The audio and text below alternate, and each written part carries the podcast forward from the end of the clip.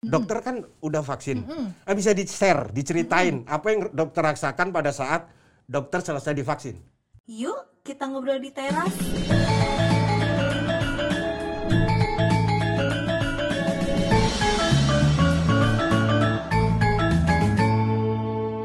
Hey, welcome back to my channel.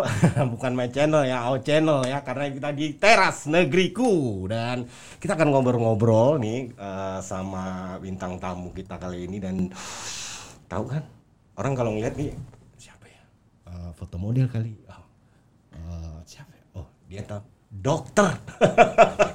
kita ngobrol sama dokter dan tetap di teras negeriku di Lisan Teras Negeriku dan ini akan di share di Spotify, Google Podcast dan juga eh, kanal YouTube Teras Negeriku ya.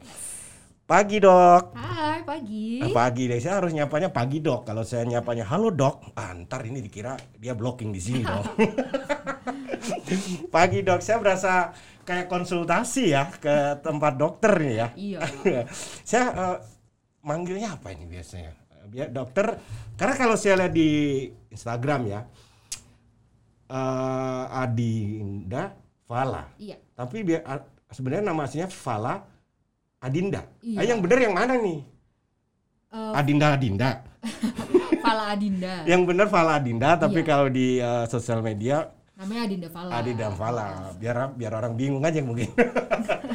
Biasa dipanggil Fala. Bukannya biasa dipanggil pasiennya ya dokter ya? Iya. Iya kan? Panggil Dokter apa biasa aja nggak apa-apa kalau. dokter biasa dipanggil pasiennya kan tapi Iya, dipanggil sayang juga nggak apa-apa. dipanggil sayang. Aduh, pagi dok sehat ya. Sehat, sehat, Yang sehat. penting mah sekarang sehat. Alhamdulillah. ha. Yang penting sekarang sehat. Apalah artinya uang kan ya? Mm-mm. Kalau nggak pegang, apalagi nggak pegang Apalagi kan? nggak punya. apalagi nggak punya apalah artinya uang. Dan kita ngobrol sama dokter ini bukan apa-apa. Nggak mungkin dong kita ngobrol sama dokter tentang kuliner kan? Kita akan ngobrol sama dokter eh, Fala ini mengenai hal yang sekarang lagi ramai dan juga mungkin milenial ini lagi bingung juga mengenai dari tadi turun naik turun naik ada eh, ini apa nggak Eh, apa istilahnya paku nggak ini Staples. staples ya bisa di staples di sini vaksin dong Iya, heeh. semua lagi orang sedang ngobrolin bahas va- vaksin vaksin tuh apa sih dok saya dengar orang dong vaksin vak- nah, vaksin tuh apa Oke. Berbicara tentang vaksin, Ya. artinya kita berbicara tentang kekebalan. oke Oke. Iya. Nah, kekebalan itu sebenarnya ada dua. Ada yang namanya kekebalan alami, Heeh. ada yang namanya kekebalan buatan. oke ada kekebalan alami ada kekebalan buatan Betul. Vaksin Ah. itu masuknya adalah kekebalan buatan. Nah, aku mau Oke. jelasin yang kekebalan alami dulu. Iya. Kekebalan alami adalah kekebalan yang didapatkan tubuh Ah. dari penyakit yang tadinya udah kita dapetin. Misalnya kita sakit eh, cacar. cacar Waktu kita kecil kan kita pernah kena cacar tuh. hampir semua orang pernah cacar Sa- tapi saya kena cacar itu telat kayaknya dok Mm-mm. saya kena cacar di SMA Aku juga cacar. Aku tuh waktu Kok sama kita? Iya, waktu waktu ujian malah dulu. Masa? banget, oh. Oh, nggak mungkin dong waktu hujan nggak mungkin orang waktu nih ya eh Tiba-tiba gatal. Mungkin kan pasti ada gejalanya juga dong Iya. iya Nah. mas saya udah gede Mm-mm. Udah. Eh, jadi orang yang kena cacar Uh-uh. setelahnya kan akan menimbulkan kekebalan. Setelahnya eh, kita kebal, akhirnya kan kita tidak tidak eh, kena cacar lagi kan. iya Nah itu yang didapat yang dinamakan dengan kekebalan alami. oke Gitu. Nah kekebalan buatan Hah? adalah kekebalan yang didapatkan dari vaksinasi. Mm-mm. Gitu. Jadi kita disuntikan oleh virus yang dilemahkan, bisa juga dari potongan virusnya, bisa Mm-mm. juga dari RNA-nya, dari proteinnya, pokoknya dari apa pun bagian virusnya, Mm-mm. dimasukkan ke dalam tubuh kita, gitu ya. Saintis kan luar biasa tuh ya Diinjek lah otaknya gitu ya. ya, ah. Heeh. Lalu tubuh kita membentuk kekebalan Heeh. dari yang disuntikan itu. Oke istilahnya eh, membuat tubuh kita jadi prepare gitu ya Iya. jadi betul. jadi udah oh, oh, in- oh ini yang pernah disuntikan dulu deh kayaknya ah Iya. udah tahu deh ngelawannya Iya, betul. intinya seperti itu Iya. kan ya Sehingga nantinya ketika virus yang udah pernah disuntikan itu masuk ke dalam tubuh Oh, kita, oh. tubuh kita udah tahu. Jadi Eh. udah kebal tuh. Ah, ah, Gitu. ah. Kita udah punya antibodinya yang spesifik. Oke. Sehingga saat virusnya datang, mereka udah tubuh kita udah tahu harus ngapain. Oh iya, yang spesifik ya. Jadi Iya. intinya yang dulu pernah disuntikan, ya itulah yang udah disiapkan sama tubuh kita. Betul, Oke. betul. Nah, bedanya apa nih orang yang belum divaksinasi Iya, dengan orang yang sudah divaksinasi? ya oke. Jadi ada orang yang nanya kan. Jadi bedanya apa dong orang yang udah divaksinasi? Kalau yang sekarang kan lagi ramai kan adalah vaksinasi COVID-19. Karena secara fisik nggak kelihatan dong, lu udah divaksin apa belum nggak kelihatan. Nah, orang yang belum divaksinasi COVID ah, itu kan juga punya antibodi kan. Lalu ngapain Iya. harus divaksin? Itu kan pasti pertanyaan orang. Iya, Nah, orang yang belum divaksinasi itu juga tetap punya punya antibodi. iya. Tapi ibaratnya orang yang belum divaksinasi itu antibodinya itu masih eh, liar banget. Jadi ibaratnya kalau di dalam tuh kita punya eh, tentara ya, tentara itu adalah antibodi gitu kan. Tahu-tahu. Eh, Saya jadi kepikiran nih. Kan punya tentara. Istilahnya kalau antibody itu kopasusnya kali ya. Iya. Jadi eh, antibodi kita tuh adalah Kopassus misalnya gitu. Iya. Nah, Kopassusnya ini itu senjatanya, senjatanya adalah batu-batu. Kalau kita belum vaksinasi. Jadi kalau ada vaksin COVID-19 masuk ke dalam tubuh kita, Kopassusnya ini cuman bisa mukul-mukulin aja. Random kali dia. Random banget. Gitu. Gitu ya. Oke. Liar banget. Liar, oke. Gitu. Ada yang nggak kena gitu ya.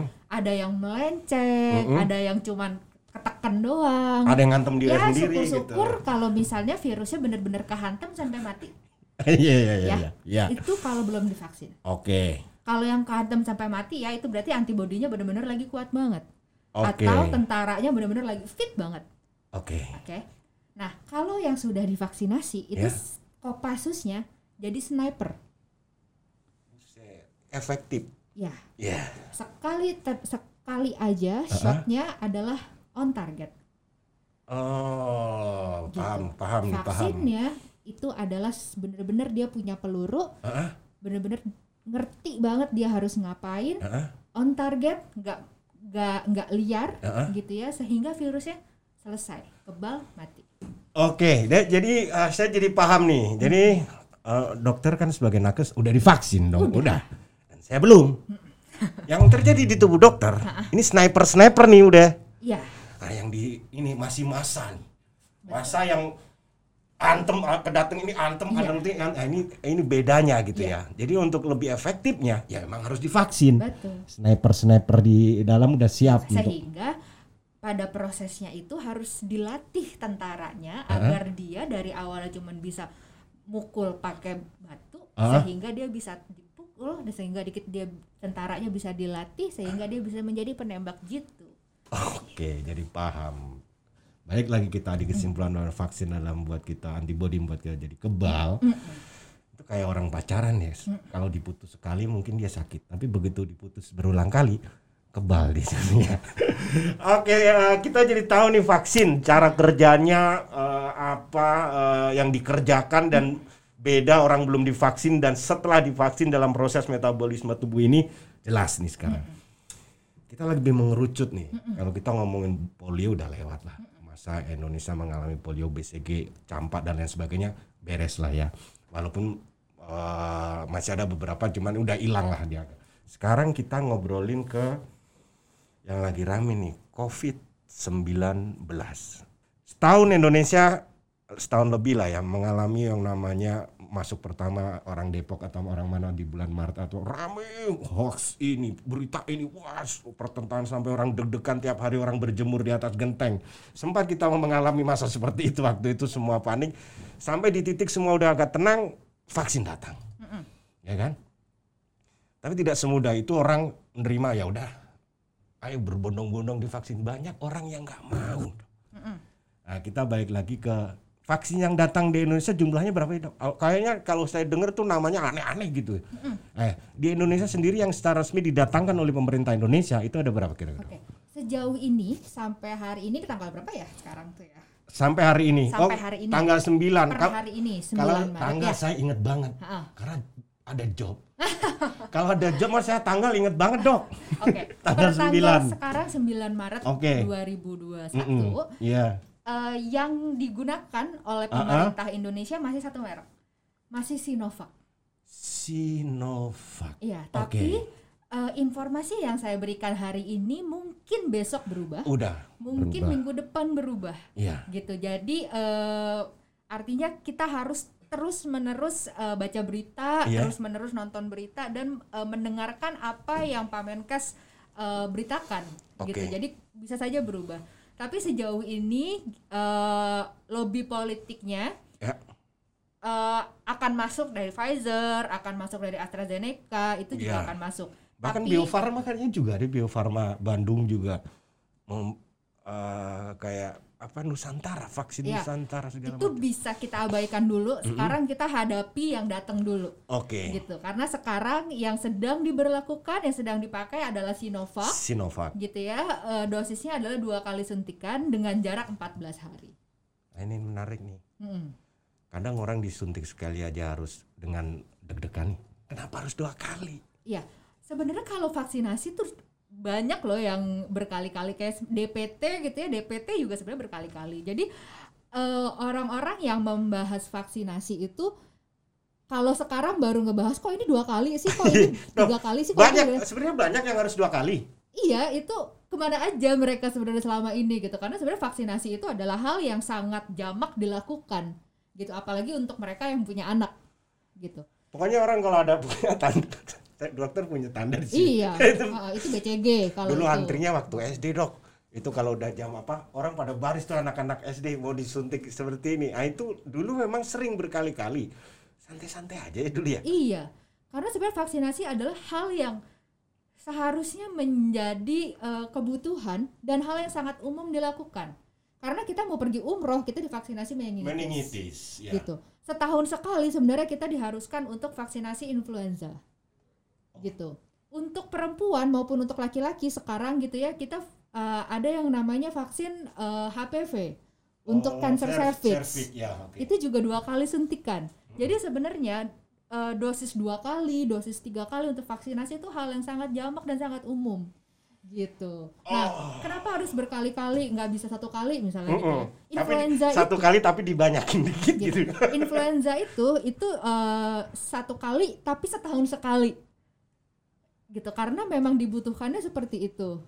satu kali setahun sekali Iya, memang eh, saintis sudah sudah membuktikan gitu ya. Artinya eh, kita melalui penelitian panjang ya eh, jarak 14 hari adalah jarak yang cukup gitu ya untuk dilakukan booster sehingga vaksinnya berfungsi optimal untuk memberikan kekebalan yang maksimal terhadap tubuh. Balik lagi ke sniper sniper tadi Betul. ini kan dibekali satu peluru nih misalnya Betul. dengan adanya booster berarti dia dibekalin yang lagi yang namanya senjata lagi Itu yang tadi saya bilang. Tentara di dalam tubuh kita perlu untuk dilatih dan pelatihannya itu kan juga nggak bisa satu kali gitu. Jadi dibutuhkan latihan lagi, latihan lagi sehingga dia dari awalnya cuma bisa ngelempar, Ya. dia bisa untuk menjadi penembak jitu dan itu butuh waktu. Waktunya menurut para peneliti waktunya dibutuhkan dua kali booster dan dibutuhkan hingga dia maksimal Ya. adalah 28 hari atau dua kali 14 hari. Oke, balik lagi ke vaksin yang sudah kenapa kita harus dua kali karena eh, tentara-tentara yang ada tubuh kita juga butuh ilmu yang lain, booster senjata yang lain, Iya. ya kan? Nah, semua sudah jelas tapi masih ada ketakutan Iya. eh, masyarakat ini ya. Bahkan juga kalangan milenial itu belum sepuluhnya atau belum se apa ya seikhlasnya untuk oke deh gue divaksin berbondong-bondong ada yang masih ragu-ragu ya kan karena banyaknya hoax itu yang beredar kejadian-kejadian yang dialami orang yang sudah divaksin. Iya. ada yang mulai de- merasa demam pegal-pegal. Ada yang hoax yang terlalu pingsan Iya. beramai-ramai. Nah itu gimana sih Bidang? apakah benar itu ngambil akibat kalau apa eh, divaksin itu? Apakah memang ada gejala walaupun itu bukan gejala yang membahayakan yang biasa ya cuman dilebih-lebihkan? Memang kalau divaksin itu pasti tubuh bereaksi? Iya, ada yang namanya KIPI. Dalam kedokteran kita nyebutnya KIPI, KIPI atau kejadian ikutan pasca imunisasi. Jadi KIPI. memang setelah imunisasi atau vaksinasi Hah? gitu ya, itu ada yang namanya eh, gejala-gejala sesudahnya. Tapi kan yang saya tadi saya bilang sebenarnya vaksinasi ataupun imunisasi itu sebenarnya hal yang sangat lumrah dilakukan. Jadi yang namanya eh, gejala sesudahnya itu ya hal yang wajar aja Jangan dilebihkan ya. Iya, oh mohon maaf nih kita saya potong. Dokter kan udah vaksin. Ah, bisa di share, diceritain apa yang dokter rasakan pada saat dokter selesai divaksin. Ya, kalau aku so far nggak ada yang aneh banget gitu ya, cuma Ya. pegel aja di area So far so good lah ya. suntikan, heeh. Heeh. Pegel di area suntikan dan eh, agak ngantuk karena memang kandungan dari vaksinnya itu ada antihistaminnya gitu. Jadi ya memang agak ngantuk.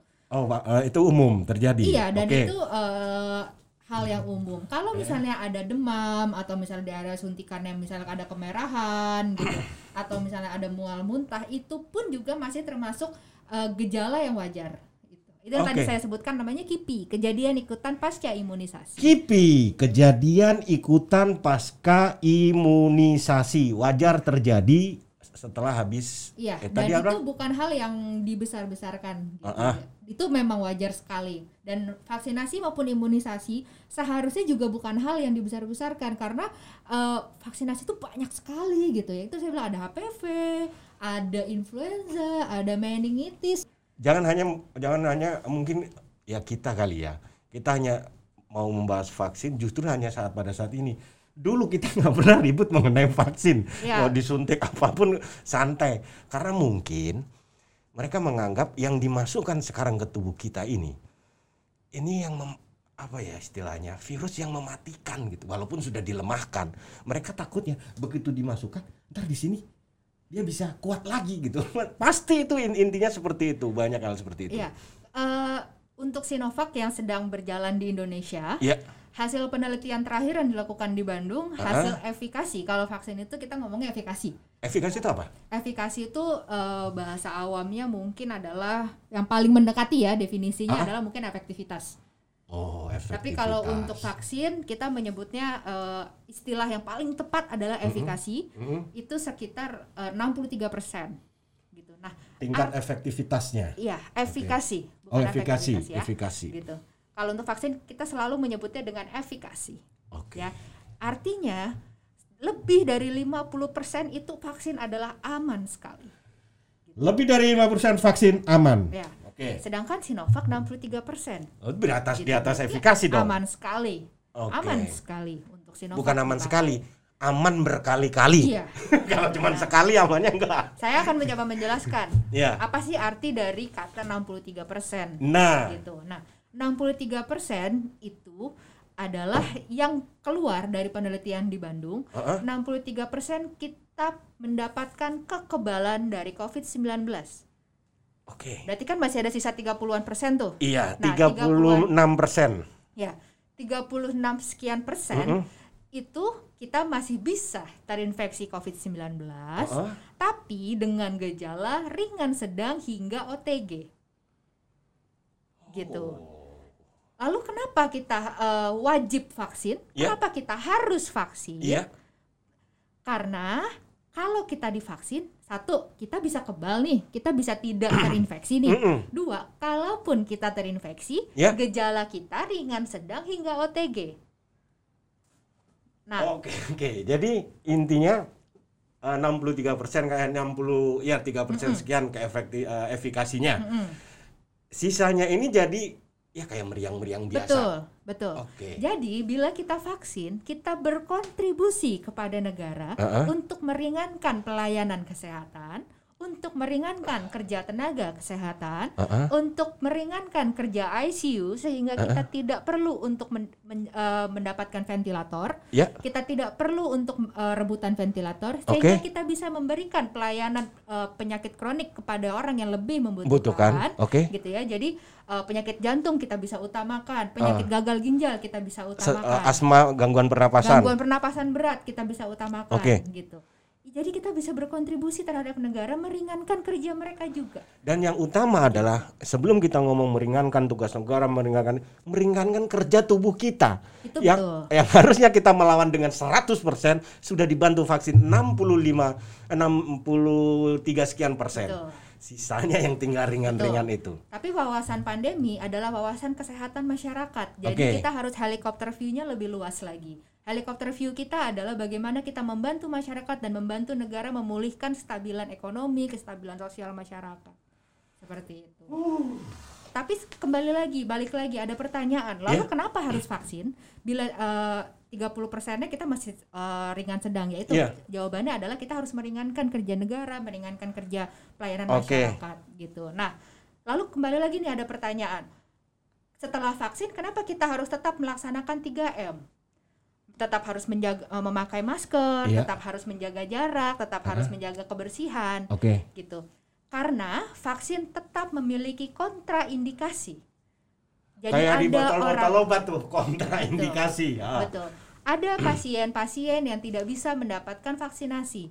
Misal orang-orang dengan autoimun, ibu hamil, ibu menyusui, hingga hari ini mereka tidak bisa mendapatkan vaksinasi. Atau pasien-pasien cancer, pasien dengan eh, penyakit kronik, penyakit berat, mereka tidak bisa memiliki eh, mendapatkan vaksinasi. Eh, orang-orang seperti itu kan mereka nggak mendapatkan kekebalan dari vaksinasi. Iya. Berarti kan yang 30 persennya hilang. Si yang bergejala ringan sedang hingga OTG-nya. Iya. Jadi jika mereka terinfeksi dari kita yang tidak menjaga 3M ini, mereka bisa mendapatkan gejala berat hingga meninggal. Gitu. Jadi- Karena virus COVID-19-nya masih ada, belum hilang. Jadi gini ya, mungkin kesadaran bisa bisa digugah seperti ini. Dalam situasi kondisi seperti ini, jangan hanya mementingkan diri kita sendiri. Betul.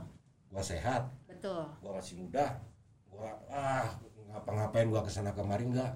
Tapi kan dia nggak tahu dia bisa jadi mesin pembunuh untuk Betul. orang-orang yang Ya, tadi tidak tidak bisa mendapatkan vaksin. betul. Sekarang kita balik. Hmm. Ada orang yang sekarang ini pingin vaksin. Orang tua saya termasuk orang yang pingin vaksin. Iya, Karena semua dia harusnya pengen vaksin. pingin vaksin. Iya. Usia sudah eh, udah enggak udah udah 6 70-an hampir 70-an. Bukan masih muda tapi mudah-mudahan masih lah ya. Jadi intinya tapi bingung. Hmm.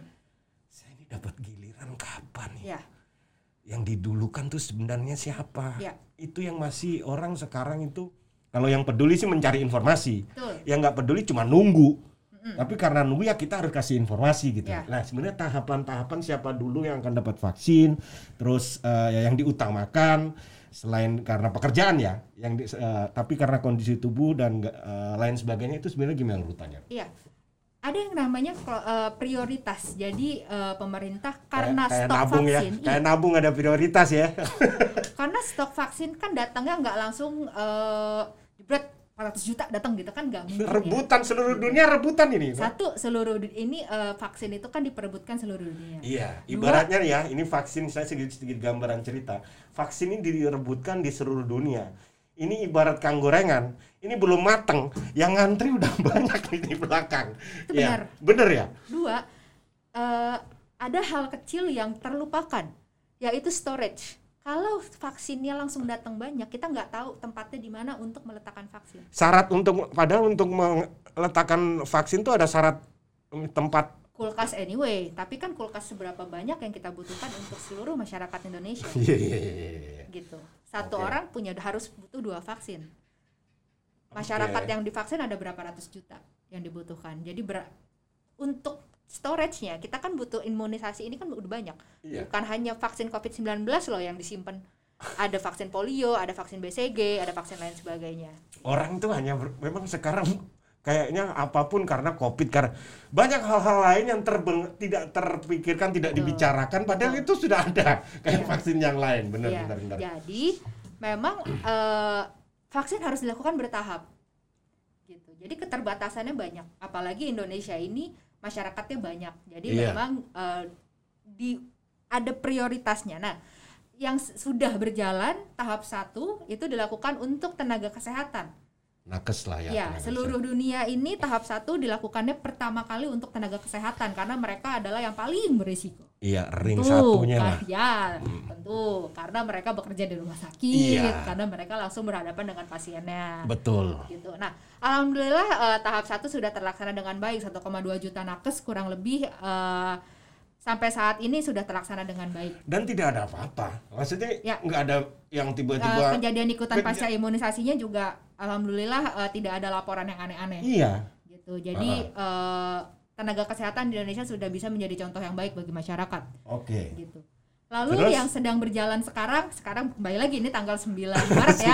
9. Ingat bener tanggal 9. Iya, karena ini harus di bold secara benar, Mas. Iya, Secara- oke. eh, karena kalaupun podcast ini nanti didengarkan sebulan lagi, takutnya misinformasi. Bener karena Gitu. eh, karena bisa saja informasinya berubah. berarti metadatanya adalah kita Iya. tanggal 9 kita melakukan ini. Tahap kedua berarti sekarang sedang masuk tanggal 9 ya ini. Eh, tahap lansia. Ya. Lansia sedang berjalan Iya. ini ya kan. Ada sa- mungkin ada yang mungkin di-share syarat atau apa kan mungkin ada yang nggak tahu nih mungkin eh, teman-teman kita nih yang milenial nih kan punya orang tua nih juga nih ya. Ini orang tua gue udah divaksin belum ya? Tapi pengen tapi bingung. Iya. Nah itu gimana sih? Ada informasi mengenai itu? Iya, informasinya banyak Oke. gitu. Jadi eh, penyelenggara vaksinasi sekarang eh, pintunya udah banyak. Rumah sakit juga udah mulai buka gitu ya. Di Terus level ter, eh, terkecil di daerah puskesmas. buka, puskesmas buka. Nah, itu eh, pendaftarannya ada yang lewat website Kemenkes. Website Kemenkes. oke? Ada yang lewat rumah sakitnya langsung. Oke. Gitu. Ada juga yang lewat ikatan alumni, ada yang lewat ikatan pensiun, ada yang lewat banyak. Pintunya banyak. Jadi memang mungkin kalau ibu-ibu kita eyang-eyang kita kan kadang gaptek ya. Gaptek. Makanya teman-teman milenial ya. Mohon maaf, ini kan mungkin kita banyak punya nenek, punya eyang, punya kakek yang mungkin eh, udah gaptek dengan informasi. betul. Tolong dikasih tahu, dibimbing, dianterin, ya. yang paling penting adalah ketahui bahwa eh, informasinya tuh diketahui dulu. Heeh. Jadi kita tahu misalnya eyang kita ini pensiunan mana misalnya gitu atau eyang kita KTP-nya di mana. Oke. Ibu kita ini eh, profesinya dulu atau muda tuh apa? Karena biasanya juga diwadahi oleh eh, pekerja-pekerja mereka ketika muda Oke. naungan profesi atau kantor mereka yang dulu. Karena sekarang wadahnya banyak. Negara tidak bisa me- eh, bekerja sendiri, jadi dibantu oleh banyak pihak sekarang gitu. Dan alhamdulillah kita semua saling gotong royong bahu membahu untuk melaksanakan vaksinasi ini. Jadi kesadaran untuk Hmm. uh, teman-teman semuanya ini milenial-milenial yang lagi nonton lisan teras negeriku ini, apa yang didapatkan, apa yang didengarkan, apa yang dilihat hari ini untuk bisa di-share ke teman-teman semua yang mau lewat apa pun, WhatsApp atau apa pun, share karena ini demi kepentingan bangsa Indonesia. Di channel YouTube, di Spotify dan di Google Podcast ini kita akan tayangkan kita tidak akan kembali karena kita tidak ke mana-mana. Biasanya orang kalau kalau lagi lagi lagi iklan kan gitu kan kita nggak ke mana-mana kita akan lanjutkan dengan yang namanya tadi adalah syarat-syarat berdasarkan apa eh, pekerjaan, kemudian syarat-syarat berdasarkan tingkat resiko pekerjaan. Sekarang lebih mengerucut ke syarat tubuh yang bisa menerima vaksin. Apa aja? Misal hari itu diperiksa, oh kayaknya jangan hari ini deh. Apa sih Ya. sebenarnya yang bisa dibuat kita orang divaksin? Ya, ketika vaksinasi hari haknya nih, ini hari datang haknya nih. kita akan eh, kita akan mendapatkan screening. Screeningnya screening eh, tubuh ya normal lah ya seperti eh, tekanan darah, Oke. suhu, Oke. terus juga ada eh, gula darah sewaktu. Oke, jadi kita sarankan kalau screening pas tanggal muda ya, jadi biar agak Iya. stabil nih. Kita nggak usah lari-lari dulu. Karena kalau tanggal tua nih ya kita screening ada unsur deg-degan nih dalam tubuh Betul. kita. Mikirnya enggak enggak. Nah, Itu pengaruh loh ya? iya, kalau untuk lansia, Iya. screeningnya akan lebih eh, panjang gitu karena biasanya untuk lansia mereka punya penyakit kronik, Iya. gitu ya, terus juga eh, lebih banyak faktor-faktor komorbidnya, Oke. gitu. Nah, nanti di meja eh, screening, gitu ya, dokter akan melakukan wawancara terhadap Oke. eh, calon penerima vaksinasi, gitu. Nah, Siap, siap. Nanti eh, dijawab dijawab aja ketika wawancara. Nanti akan diberikan checklist akan dilakukan checklist gitu ya untuk eh, kepa- eh, nanti dokter yang bertanya. Nanti akan dikeluarkan pernyataan bahwa calon penerima vaksin ini siap atau tidak untuk divaksinasi. Pada dasarnya yang berhak yang yang siap untuk dilakukan vaksinasi adalah mereka yang sehat secara jasmani. Oke. gitu. Sehat. secara jasmani ini apa? Artinya eh, ketika mereka pun punya punya vaksin eh, punya penyakit kronik itu terkontrol. Jadi kalaupun Tekanan mereka darah oke. Ya, kalaupun mereka punya eh, penyakit darah tinggi sedang terkontrol. Sedang rendah. Kalau, ya, kalau punya diabetes sedang terkontrol Oke. gitu ya. Gitu. Jadi eh, kondisi saat itu sedang normal, sehat, sehat jasmani. Itu yang bisa menerima yang Iya. namanya vaksin secara kondisi tubuhnya. Iya. Ada mungkin yang bisa disarankan nih ke eh, masyarakat atau ke teman-teman juga. Jangan melakukan ini atau ini kalau mau berangkat vaksin. Eh, Ada nggak hal-hal khusus gitu? Eh, jangan makan ini gitu, jangan makan ini gitu. enggak sih sebenarnya Enggak ada ya. Hmm. Yang penting keadaan santai, jangan tegang karena tegang mempengaruhi tekanan darah juga. Iya. Relax saja bahwa vaksin ini aman. aman ha. Aman nggak nggak masalah. Usia usia usia. Misalkan usia, tadi usia sejauh ini 8 eh, untuk lansia sih udah boleh ya Iya boleh Gitu. udah. tapi start dari 18 tahun jadi untuk anak masih belum 18 tahun ke bawah 18 tahun ke bawah masih belum Oke. kita masih menunggu penelitian dari vaksin-vaksin Eropa seperti Pfizer ataupun AstraZeneca Un- ataupun dan merek-merek lain untuk yang 18 Iya. tahun ke bawah. Sinovac mas sampai saat ini balik lagi tanggalnya masih Sampai belum bisa 9, tanggal untuk anak. 9 Sinovac masih belum bisa untuk eh, 18 tahun ke bawah.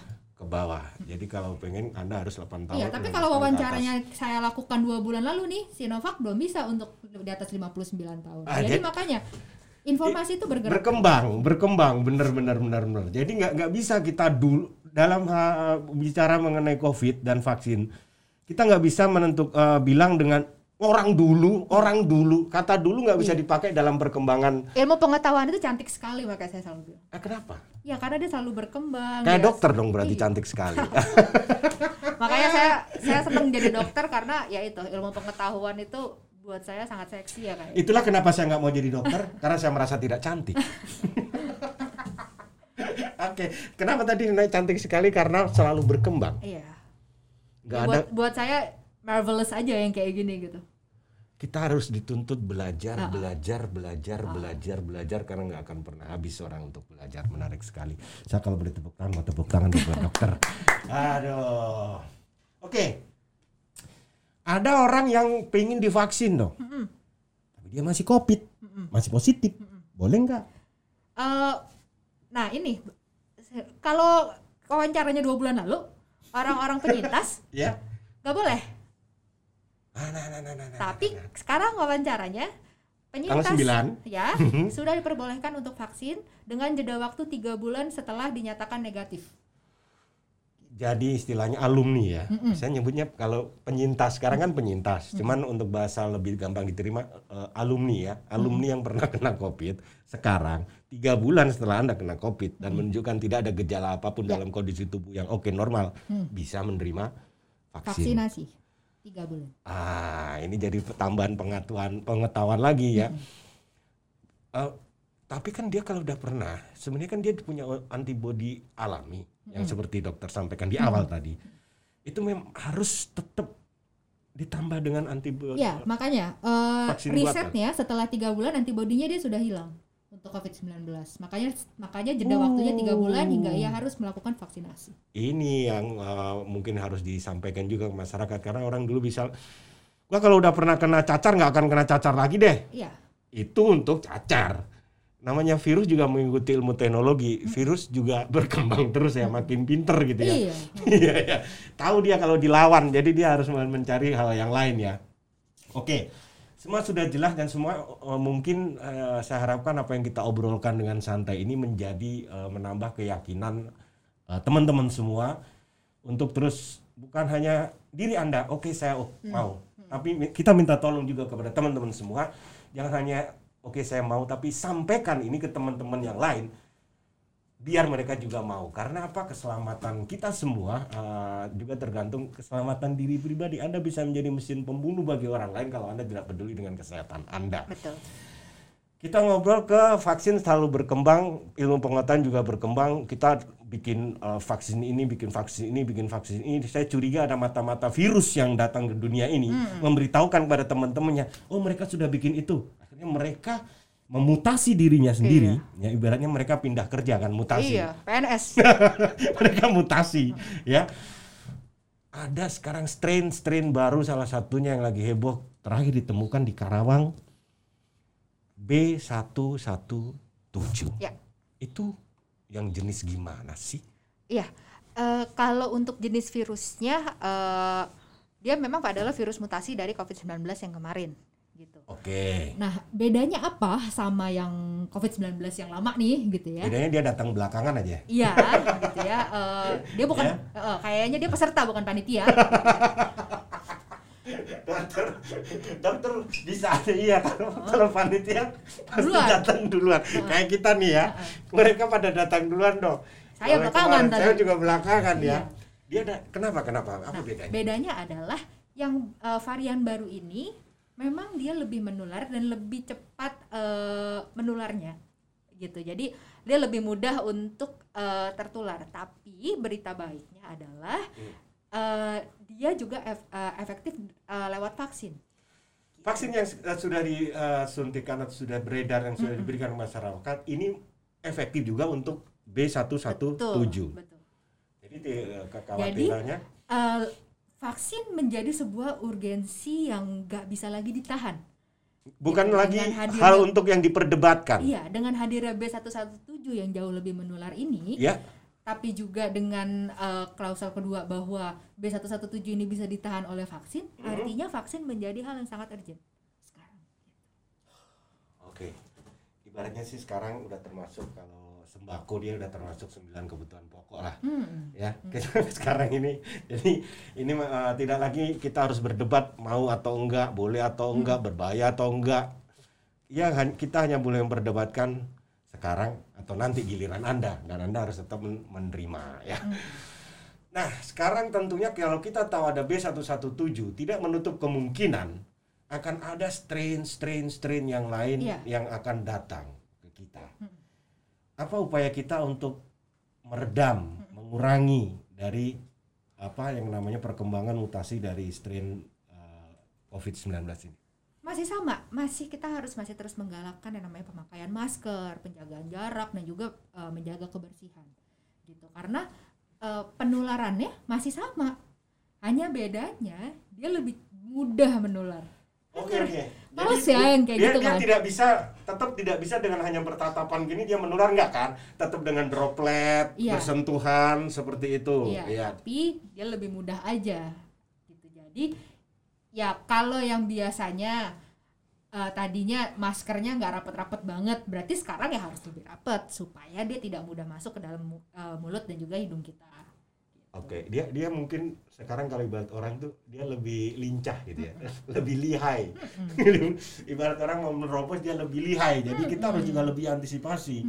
Karena apa? Saya melihat kita mengalami masa-masa semuanya tegang. Ke mana-mana bawa, wah tertutup lah. Udah kayak ninja. Tiap hari orang berjemur. Tiap hari, pokoknya begitu di awal begitu kendor, kendor, kendor, kendor, kendor, kendor. Di saat eh, virus semakin berkembang bermutasi kita jangan sampai tambah kendor kan Betul. Dan vaksinasi vaksinasi harus udah nggak ada kata lain ya harus udah udah nggak bisa debat nanti efektifnya gimana Ya, dan vaksinasi bukan obat gitu ya. Jadi itu juga yang harus menjadi persepsi masyarakat yang Eh. harus diluruskan. Vaksinasi bukan obat dari COVID-19. Vaksinasi adalah upaya penanggulangan pandemi. Iya Vaksinasi adalah cara agar Indonesia lepas dari eh, kondisi ini. oke oke oke siap jadi intinya ibarat rumah vaksinasi itu lu bikin pagar deh depan rumah lu biar maling nggak bisa masuk dengan sembarangan Agar ya, agar kekebalan komunitas bisa tercapai. herd immunity-nya ya, gitu ya, agar uh, penurunan kasus bisa tercapai gitu. Oke. Jadi uh, awalnya mungkin flattening the curve Iya. gitu ya. Lama-lama uh, kurvanya bisa menurun. Ah, ini mungkin bisa diterangkan ada ini sekelompok orang udah vaksin semua ini lama-lama sekelompok ini akan turun-turun turun dengan sendirinya kan Tentu, tentu. Ini makanya ini yang disebut dengan uh, problem masyarakat. gitu. Berbicara tentang pandemi, kita selalu berbicara mengenai uh, mengenai uh, masalah di masyarakat, mengenai kesehatan masyarakat. Makanya kita tidak tidak boleh berbicara mengenai diri sendiri, diri sendiri, diri sendiri. Selalu tadi saya sebutkan ini harus kita harus menolong negara, menolong masyarakat, negara, masyarakat, negara, masyarakat. Karena ini pandemi. Uh, Gitu. ini memang sebuah bukan problem sih, tantangan kita Betul. yang kompleks ya. Gitu. Jadi eh, bila ditanya, saya yang bisa saya jawab adalah pandemi masih terjadi di Indonesia dan it's not getting better. Oke. Tapi kehadiran vaksinasi di Indonesia merupakan angin segar untuk eh, proses penanggulangan pandemi. Oke. Bagaimana cara negara untuk merecovery ini semua? Karena Oke. selama setahun kemarin ekonomi jatuh Wah, ya. terus juga Saya tuh ini sedikit cerita ini dampak juga bagi saya ini ya. Dulu saya sebelum pandemi ya, bukan sombong ya.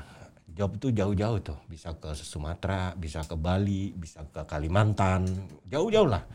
Sejak adanya pandemi ini makin jauh. Ini kan job ada hari ini nih. Ini nanti ada lagi sekitar April lah. Jadi jadi makin jauh. Nah, semua terdampak. Iya. Bali gimana hebohnya Bali, meriahnya Bali. Anda tentu kangen kan dengan semua yang kita alami dulu. Sederhana aja deh.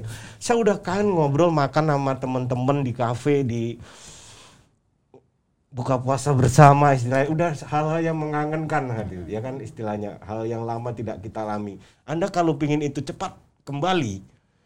Hal yang dulu kita rasakan cepat kembali. Mari kesadaran kita untuk mengembalikan seperti dulu dengan cara vaksin salah satunya. Ya va- vaksinasi merupakan ya angin segar yang tadi saya bilang. Iya. untuk untuk menjadi solusi penanganan pandemi.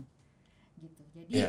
ya diharapkan eh, semua turut serta lah gitu kepada teman-teman milenial kepada Oke. kepada teman-teman milenial untuk eh, mengikut sertakan orang tuanya Iya. gitu ya untuk eh, berbagi kepada semua keluarganya Oke. gitu untuk ya ambil bagian lah untuk penanganan pandemi ini karena kita semua sekarang itu menjadi eh, garda depan gitu ya untuk proses penyelesaian pandemi gitu. Iya. Ya kapan lagi sekarang kita angkat senjata gitu. eh, I mean menjadi tentara perang. Iya. Kalau yang lain angkat senjata kita cuma angkat baju doang gitu. kita cuma angkat tangan Iya. nyerah ya ini menarik tadi semua dulu awal awal uh, covid masuk yang menjadi garda terdepan adalah para nakes para perawat dokter yang merawat pasien tapi di zaman sekarang di masa vaksin sudah ada kita semualah menjadi garda terdepan untuk Ya. membuat semua kembali seperti dulu Indonesia sehat kembali seperti dulu Betul. Oke sekali lagi eh, ini untuk kita eh, bold aja sekali lagi satu vaksin aman jangan takut untuk divaksin Ya. karena dengan adanya vaksin itu adalah salah satu cara kita untuk mengurangi yang namanya dampak dari pandemi. Anda jangan egois dengan diri Anda sendiri, Anda merasa sehat, Anda merasa kuat, tapi karena eh, kita tidak, tahu itu bisa membahayakan orang lain. Anda tidak tahu bahwa virus atau apa pun. Nah, sekarang saya ngom di sebenarnya kita mau ngobrol lama ya. Cuman masalahnya eh, teman-teman nih ada masih banyak kegiatan nih kayaknya. Ya, kita mau ngobrol lama tapi kita tahu dokter juga sibuk karena dokter juga termasuk juga satgas dari covid juga kan ya. Ya. Dalam berapa kata mungkin yang bisa disampaikan untuk bisa menggugah kesadaran masyarakat atau teman-teman milenial untuk covid ini aman dan semua wajib covid. Eh, semua wajib vaksin. Oke. Eh, untuk teman-teman eh, terutama generasi milenial mungkin ya kalau yang Iya. dengerin podcast gitu. Iya. Eh, pastikan nanti ketika waktunya tiba, jangan pernah takut untuk vaksinasi. Karena Oke. vaksinasi ini aman, Uh-uh. vaksinasi ini efektif, Oke. gitu ya. Dan eh, ayo kita kembalikan eh, Indonesia kepada kitanya gitu ya, kepada Oke. seperti dulu. Aduh, gitu ya, kangen banget. Apa yang mengangen di, dikangen paling dikangenin dokter Saya- dulu? Yang sederhana nih. Yang paling sederhana adalah saya kangen paspor saya itu punya cap sih, gitu. Aduh, sama, sama. Ini paspor kagak ada stempel sama sekali nih. Iya, Aduh, karena Indonesia simple. harus punya harga diri di negara lain dan Iya. harga diri itu hilang karena pandemi. Itulah Iya. makanya kita harus turut serta membangun Iya. kembali harga diri negara. Oh, luar biasa. Indonesia aman, eh, mudah-mudahan eh, dengan vaksinasi ini Indonesia aman COVID-19. Amin. Kalau dulu Anda ada slogan mengatakan cukup rebahan Anda menjadi pahlawan, sekarang tidak lagi. Dulu awal gitu, cukup rebahan Anda jadi pahlawan. Tapi sekarang Anda harus Angkat mau- baju untuk angkat vaksinasi. baju untuk vaksinasi. Seperti kita tahu eh, vaksin Indonesia aman, ya. Vaksin untuk Indonesia aman, Aman. COVID-19. Saya siap divaksin saat vaksin siap. Oke, thank you dokter. Ya, Udah ngobrol-ngobrol dengan kita Ya. dan mungkin uh, banyak yang sudah kita tahu dari dokter. Sekali lagi terima kasih. Sama-sama. Dan saya mewakili bangsa Indonesia, mewakili teman-teman saya juga mengucapkan terima kasih dokter sudah menjadi bagian dari nakes tenaga Ya. Kesehatan yang selama banyak. ini merawat pasien-pasien dan membuat ya uh, semuanya kembali sekarang semoga kita doakan baiklah semuanya. Terima kasih. Terima kasih dan teman-teman jangan khawatir kita akan ngobrol lagi dengan tema-tema atau eh, bintang tamu bintang tamu yang lain tetap di teras negeriku dalam lisan teras negeriku. Yuk, kita ngobrol di teras.